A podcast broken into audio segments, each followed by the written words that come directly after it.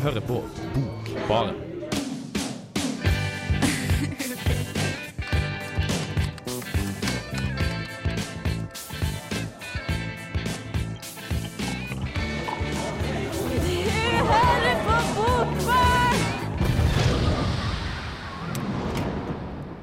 Hallo, og velkommen til årets aller, aller første sending av Bokbarn.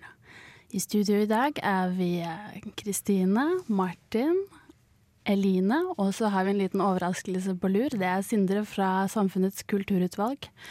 Vi skal snakke om mye forskjellig i dag, men først skal vi høre en sang av 120 Days som heter Osaka.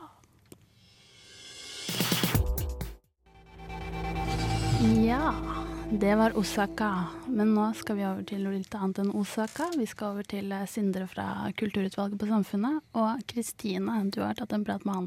Ja, fordi at uh, vi i Bokbaren har jo uh, fått et samarbeid med Kulturutvalget på Samfunnet, og det er vi veldig glad for. Så vi hadde Sindre på besøk her forrige semester også. Og som da, uh, så skal han nå fortelle litt om semesterets plan for eh, bokstavelig talt arrangementene. Så tror jeg også det kommer en poesislam etter hvert. Eh, hva er det første som eh, skjer nå, Sindre? Nå husker jeg strengt tatt ikke rekkefølgen på de. Jeg Tror det er Tore Renberg. Tore Renberg kommer uh, først. Mhm. Det er andre uka i februar det her skjer. Mm. Og eh, grunnen til at vi booker eh, de forfatterne vi booker Du spurte meg om det eh, innledningsvis i stad. Og det er rett og slett enkeltindivider i Kulturutvalget som er fan av forskjellige forfattere. Og da blir forfatterne booka. Det Var det du som var pådriveren for Tore Renberg, eller noen av de andre forfatterne?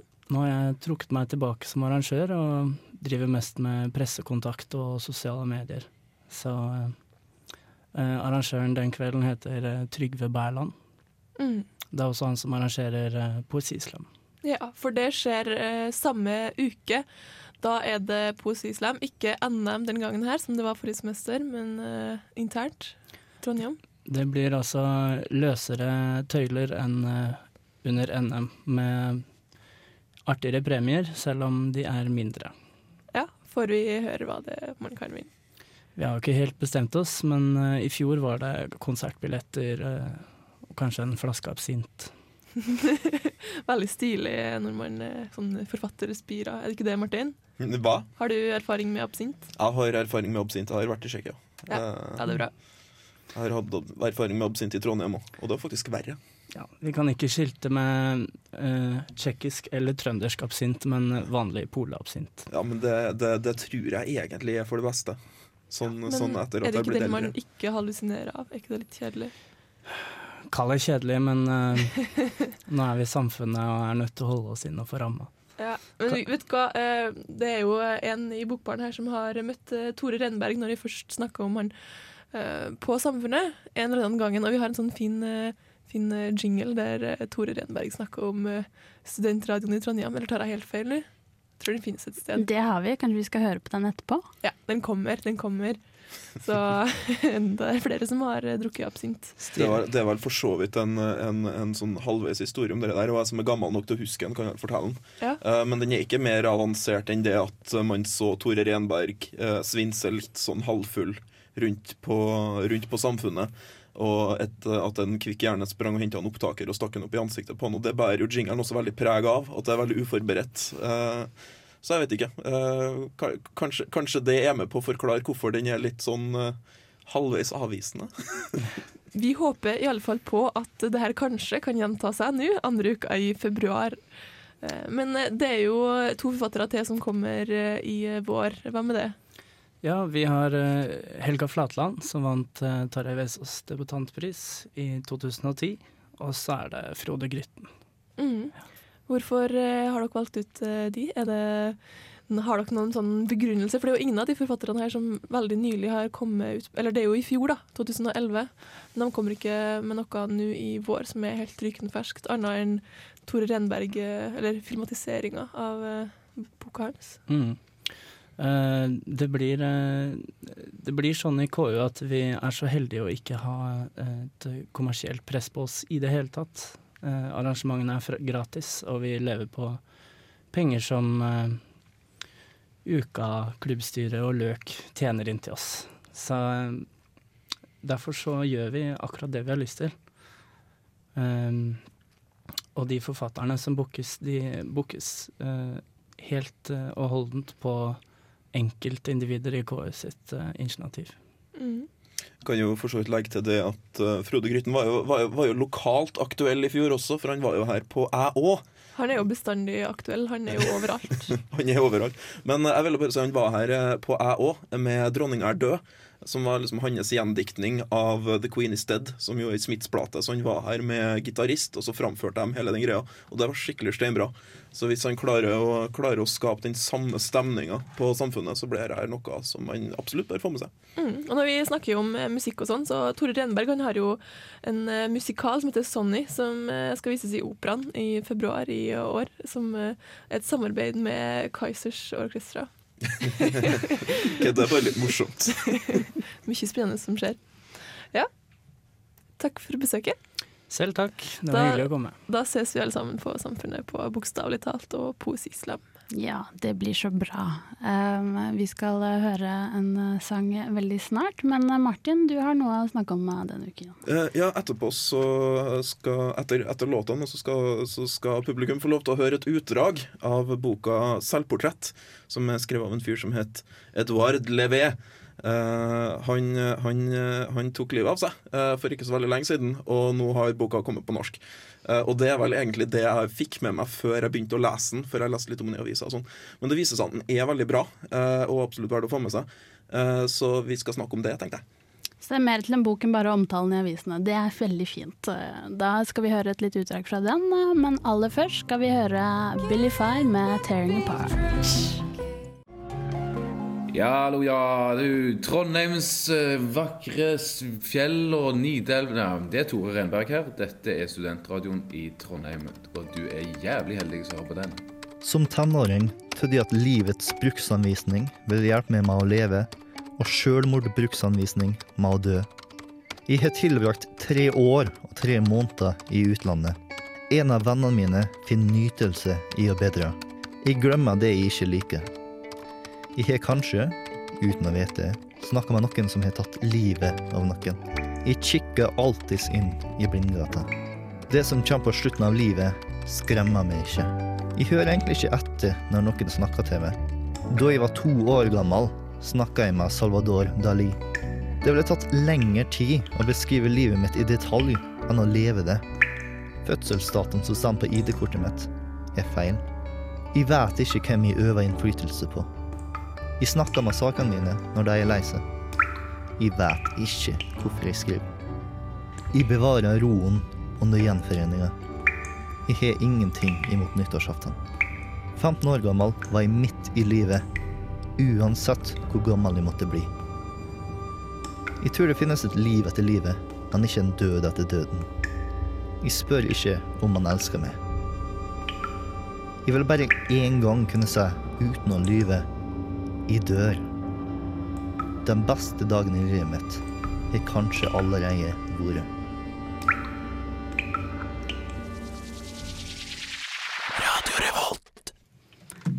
Ja, da har vi akkurat hørt eh, et lite utdrag fra Edvard Leves eh, selvportrett, eh, Martin, som, som, jo du har lest. Det har jeg. Jeg kan si to ord om utdraget først. Det er faktisk så enkelt som at det vi hørte den eminente Bård Ræstad lese for oss her, var baksideteksten til boka.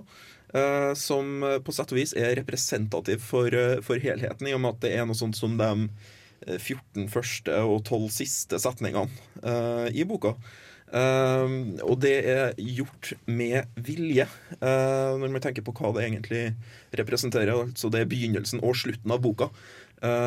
og i seg sjøl så opplever man ikke denne teksten som spesielt Hva skal man si Progressiv blir, blir, blir feil, feil, ord, men bevegende. Altså det, er ingen, det er ikke noe narrativ. Det er ikke noe struktur. Det er bare de her fullstendig eh, kontekstløse utsagnene, påstandene, eh, av og til dommer over, over ting som, som, som bare går og går og går gjennom 77 sider. Eh, og det eneste vi egentlig har å hekte dem på, er at forfatteren sjøl, altså den stemmen som sier det her, sier at de er sann. Mm. Det er det eneste vi får vite. Så vi kan tro på tittelen når den sier at det er et, et selvportrett. Det er et selvportrett, eh, og, det, og, det, er veldig, veldig greit òg. For eh, altså, når han sier at de er sanne, og han sier at det er et selvportrett, så må vi på en måte bare ta det som, som det han hevder at det er. Men det ringer jo ganske mange sånne røde lys eh, i sidespeilene mine når jeg hører selvportrett, for da, da glir mine tanker rett over på Knausgård og Espedal og en slags eh, Ja, ikke sant? noe som er i vinden. Man får, litt sånn, man får, litt, man får en følelse hver gang man hører sånne begreper som selviscene- selviscenesettende litteratur, om at dette er noe som trender, og dette er noe som vi strengt tatt kanskje begynner å gå lei av. Eh, og jeg tror at Grunnen til at man begynner å gå lei av det, er jeg gjør i hvert fall det, for å utdanne meg på mine egne vegne, er det at det er så mye av det, og så mye av det er så vanvittig slitsomt. Uh, les Karl Ove Knausgård. Uh, for jeg vet ikke. Jeg føler det at uh, på sett og vis så er det veldig mye relevant. Det er veldig mye å, å, å lære om tida sin litteratur på, på, av å lese de bøkene her. Men det blir slitsomt fordi det skal være så vanvittig narsissistisk og så vanvittig patosfylt og så veldig, veldig, veldig eh, anmasende i et forsøk på å forklare leseren hvorfor dette her er relevant. Mm, for Knausgård forklarer jo i enkle setninger som du kan lese som en hvilken som helst, eh, nesten holdt jeg på å si, kioskroman. Altså, men det gjør ikke Levé her. Nei, altså Der Knausgård bygger et narrativ, så gjør jo ikke Levé det i det hele tatt. Altså Han gir deg ingen grunn til at du skal bry deg. Han eh, gir deg altså, ingen unnskyldninger. Han, eh, samtidig så drar han ikke inn noen andre. Altså Alle mennesker som han nevner, forblir ikke navngitt. Altså, og det er veldig, veldig, veldig sentrert på han sjøl. Andre blir ikke representert i noen nevneverdig grad. Og det fjerner veldig mye av de her eh, hva skal man si, de her, de her sånn narrative krokene som andre forfattere på en måte henger opp. da. Eh, samtidig så er han veldig, sånn, veldig stilrein og veldig kynisk når han gjør det. Altså, alle setningene har samme form. Eh, de er veldig, veldig ukomplisert, og de forholder seg til denne selvrepresenterende tematikken på en eh, nesten likegyldig måte. Er det en måte å dekonstruere seg selv på? Siden han sier jo 'jeg, jeg, jeg' i dette utdraget, men samtidig så sier han også at 'jeg kan ikke beskrive meg, for det ville tatt altfor lang tid'. Absolutt. Eh, Det er, det er jeg vil, si at all selviscenesettende litteratur, eh, hvis man skal se på helheten, har noe eksplisitt selvutslettende ved seg.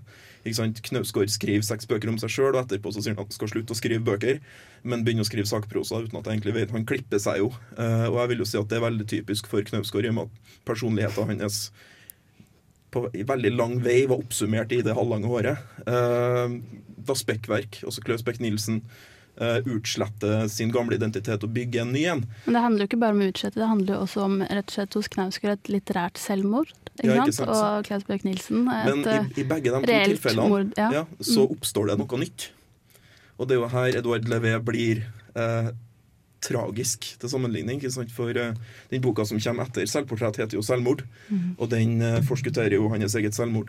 Så Og det er litt sånn fascinerende. Det er nesten litt stygt å si fascinerende, men det er fascinerende å se hvordan det altså i relieff av den andre selviscenesettende litteraturen blir en slags sånn eh, Altså ligger der i teksten.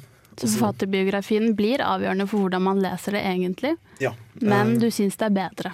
Jeg syns det er bedre fordi det er mer relevant, og der har også Flamme, eh, kudos til Flamme denne gangen, vært veldig god med den utgivelsen her, for med boka så kommer det to gode essay. Det første er skal vi si, en slags kort forfatterbiografi. eh, og den andre er, en, en, er fra oversetteren, som, som på en måte setter den i en litterær kontekst. Eh, som, hvordan denne boka passer inn i sin tids franske samtidslitteratur. Mm. Mm. Så det det er absolutt, absolutt vel verdt å få med seg. Ja. Det er jo ikke dumt, det. det er, eh, jeg tror kanskje vi trenger det. en litt mer renvasket eh, knausgård etter at vi har eh, slitt oss gjennom knausgård i julen, kanskje. Det er sikkert mange som har. jeg tror ikke det er tid til å gjøre det. Lu. Åh, nei. Knausgård til side. Her kommer Radiohead med Lotus Flower.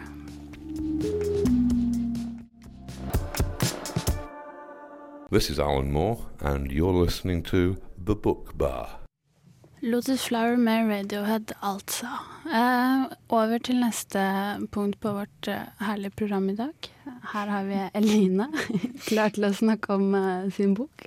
Ja, jeg har lest en veldig, veldig rar bok. Eh, Den heter 'Lille hjelper' av Cecilie Holk. Og um, ja, jeg hadde gjort litt sånn research eh, på forhånd før jeg, før jeg leste den, og det virka jo som det var veldig sånn det var ingen som egentlig skjønte hva denne boka handla om. Av sånne private bloggere, i hvert fall, som, ja, som, kanskje, som kanskje ikke er kjempeengasjert i litteratur, men som eh, bare nevner ting de leser som de kommer over. Og jeg skjønner jo det eh, veldig godt, fordi, fordi den er veldig merkelig, altså. Ja, jeg leste en, en beskrivelse av den som var at den var en eh, sjangerfornyende, samtidig satirisk roman om moderne menneskers forhold til døden. Ja. Oh, hei. Hva er det egentlig? Um, jeg vil egentlig Det handler jo om døden, den eh, gjør det, men kanskje i enda større grad så er det en satire på, på dagens samfunn. Og spesielt da måten vi eh, bruker sosiale medier på.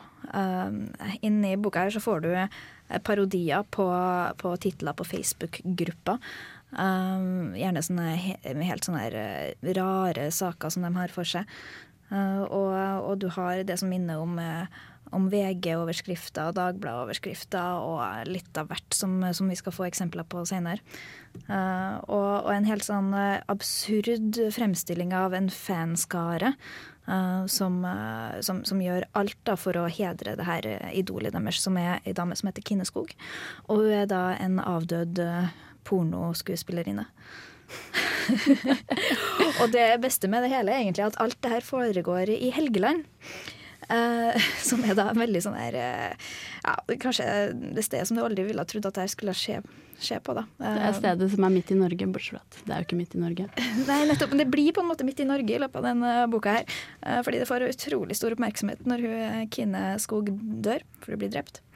Og, og han er lederen for fanklubben, da, Kinneskogs venner, han vil eh, sette opp en monolitt uh, med, med avstøpninger av lik. Og det her er til heder for døden og Kinneskog og, og alt mulig. da, Det her sprer seg over Facebook og, og alt. Um, og han, til å sponse det her, så får han med seg Pepsi.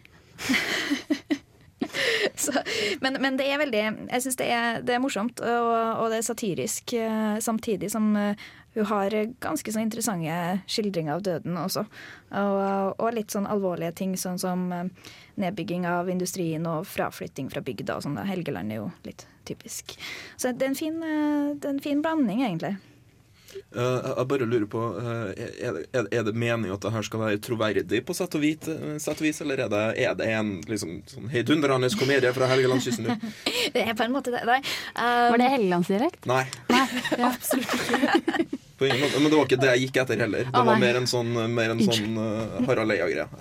Men det er, det er, egentlig her boka faller litt kort, da. Fordi den er Jeg syns den tar den tar det her med sosiale medier som veldig på kornet, og gjerne hvordan jeg har lyst til å si sånn den typisk sånn fjortisjenta uh, noen gang blogger om ting og litt, og litt sånne ting.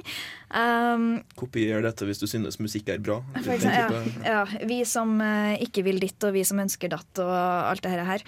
Um, men, så, så, det er veldig det er morsomt og, og, og, en god skildring. Men samtidig så blir den her likmonolitten så far out, da. Og jeg synes, Som, som liksom hovedpoenget i boka, som det store, fantastiske, så, så syns jeg det ødelegger litt. For at, det, det, er stort og, og, fascinerende, men det hører ikke hjemme i virkeligheten. Det blir for Det, det, det har ikke noe med, med, samfunnet å gjøre, på en måte. Det høres jo kjent ut fra, fra andre ting vi har snakket om, f.eks. Uh, i høst, uh, som også var sjangeroverskrivende og, og tok opp Facebook. Uh, Audun Mortensen. At det, det, med at uh, Cecilie Holk bygger opp en monolitt som skal være et slags klimaks, da. Ikke blir det litterært. Selv Ja. om det er pussig og morsomt med Facebook-sitatene og Facebook-gruppene. Ja, sant. Det er alt det her rundt, det, det liker jeg. Eh, så, så er det så bare trist at eh, akkurat den her Men er det, ikke, er det ikke kroppsliggjøringen av det at det faktisk er lik, som eh, prøver å vise avstanden fra det her, den um, verdenen på Facebook til den faktiske virkeligheten? At du klarer å få fram et poeng gjennom nettopp at, at det er døde mennesker? fordi det ikke er på Facebook. Altså at det, det blir kontrast. Men Ja. ja, jeg syns ikke hun får det frem godt nok, i så fall. Nei, for at avstanden er så ekstremt stor fra, ja. fra gruppa på Facebook til den faktiske monolitten av Ja, det blir um, det er jo litt interessant å se den her eh, fan, eh, fanskaren sin reaksjon på monolitten. og sånn, og Det går jo både, frem og tilbake, og positivt og negativt også. Men, eh, men jeg syns det blir det, det, det tvinnes ikke sammen på god nok måte, altså. Cecilie Holk har jo også laget en, en event på Facebook, så jeg, nå for litt siden, eh, som er en slags fundraiser eh, for at hun skal få dekket tannlegeregningen etter å ha trynt på, på fylla. Men hun har faktisk slått ut tre tenner. Eh, så Hun har et nydelig profilbilde uten tre tenner, så hun har kanskje vært døden nær og lagt ut på Facebook etterpå. Finnes rett og slett ikke grenser for hva man kan bruke Facebook til. Her, altså. Det Cecilie har eh, gått på trynet på holka. På Ok. Ja. Men uh, hun virker som en veldig spesiell og artig dame, som dere sier. For at, uh, hun har jo et bilde på baksida av boka her uh, der hun ser veldig sånn overbærende ut, og så holder hun en sånn her skikkelig sånn gammelmannspipe i hånda. Sånn, sånn som bestefar har, liksom. Eh, Ah, er en humorist. ja, ja. Veldig Hun har sikkert litt uh, sånn distanse. Jeg syns hun ligner på en kvinnelig Knut Nærum. Jeg håper hun har det, for ellers blir det litt dumt. Men Da. Nei da, det er, det er en morsom og, og grei bok som er grei å lese hvis du ikke he forlanger de helt store åpenbaringene. ja. Kanskje vi bare skal ta og høre på akkurat hva du har å si om henne.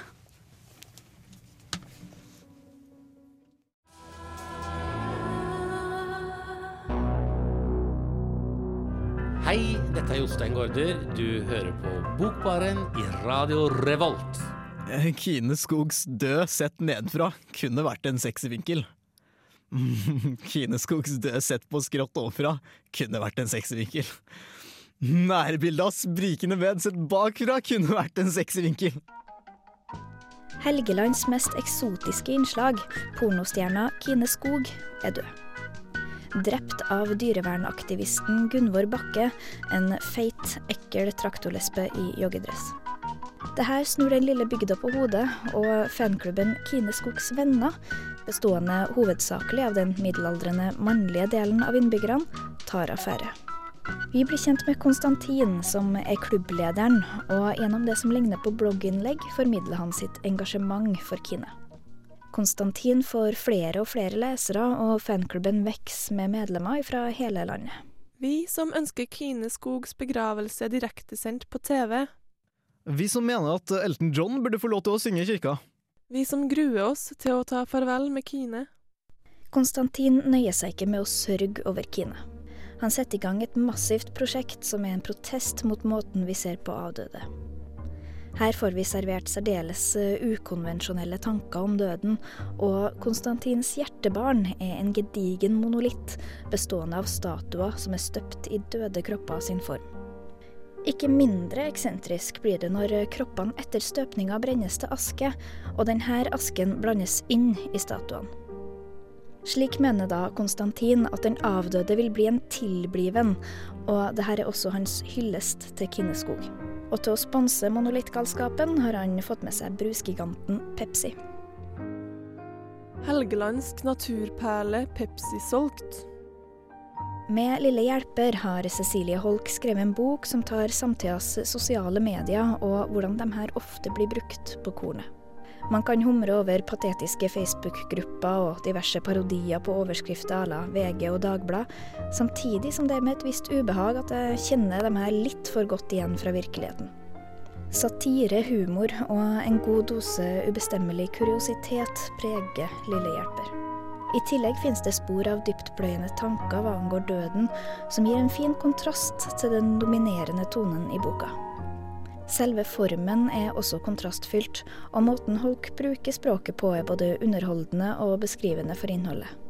Bokas svakhet kommer til syne når Holk skal toppe det hele med likmonolitten sponsa av Pepsi. Jo visst kan det være litt artig og fascinerende, men eh, her mister forfatteren den bakenforliggende forbindelsen til virkeligheten, som ellers har fungert som en nødvendig basis for boka. Det blir for vilt, og gjør at historien fjerner seg litt fra den virkeligheten den er avhengig av. Dermed kunne Lille hjelper ha vært hakket mer suksessfull i sin formidling av samfunnet, men eh, underholdende og ikke minst annerledes lesning, det er den. Underholdende lesning, det er vi glad i. Absolutt. Det er jo første sending etter eh, juleferien for oss i Bokbaren. Vi er litt på, på, felgen i dag. Det føles godt, for sånn er det når man har hatt ferie. Kanskje har vi også fått tid til å lese litt i løpet av eh, de siste ukene.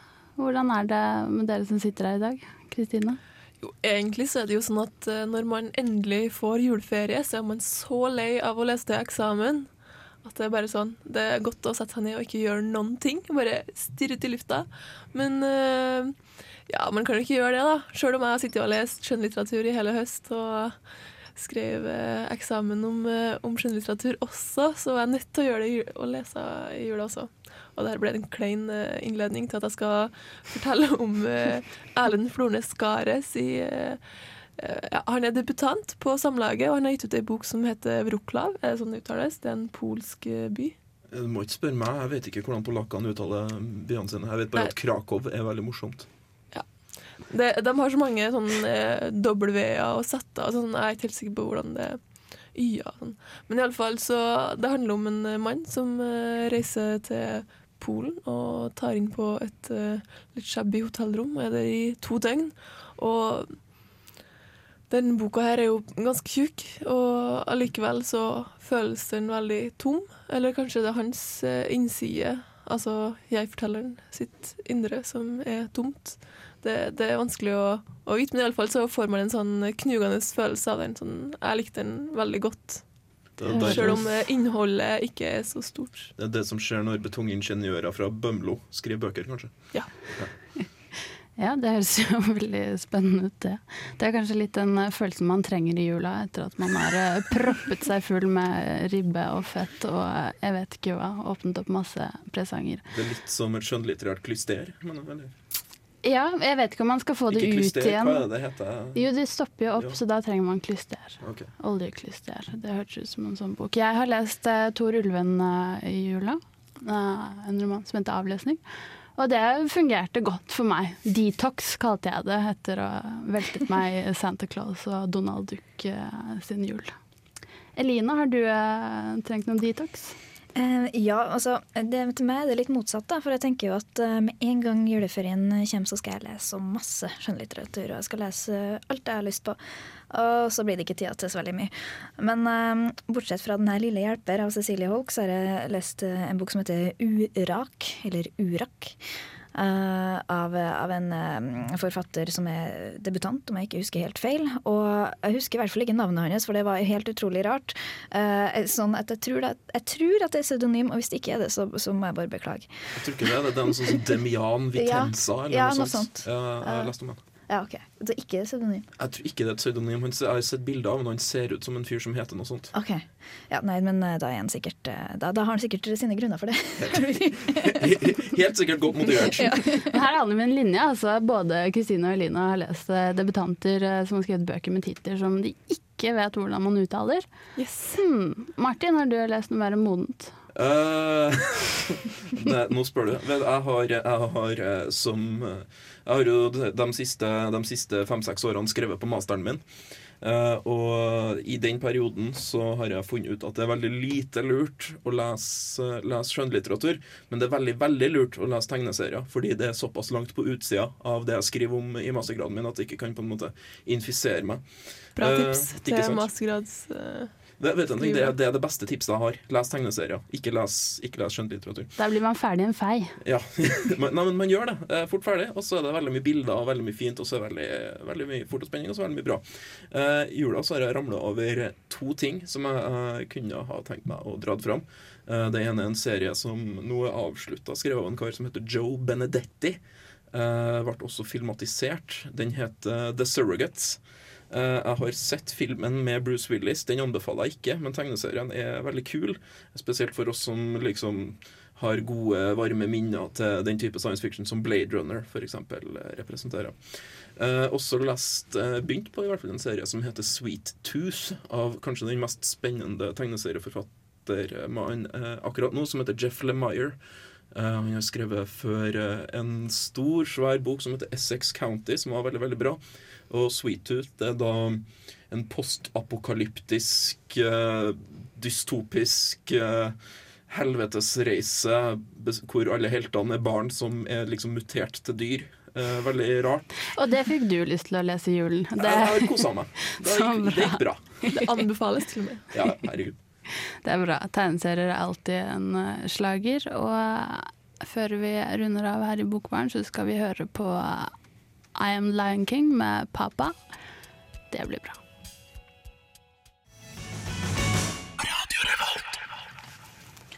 I Am Lion King med Papa.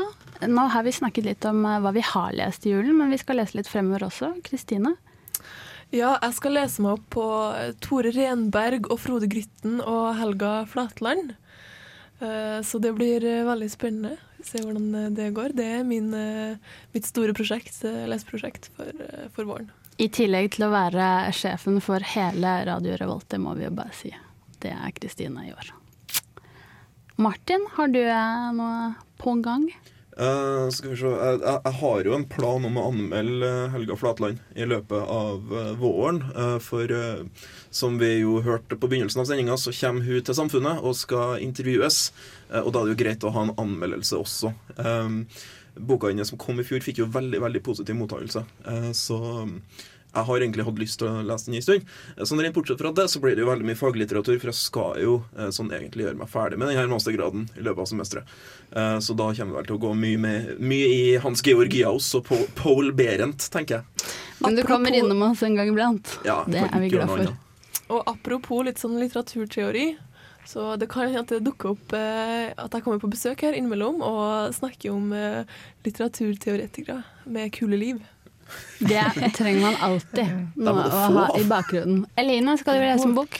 Ja, jeg sitter her med Øyvind Rimbreid sin aller aller nyeste, som heter Jimmen. Eh, En eh, bok som har fått veldig gode tilbakemeldinger, og jeg gleder meg. Det handler om en fjording, en hest, som heter Jimmen. Det kan ikke bli bedre.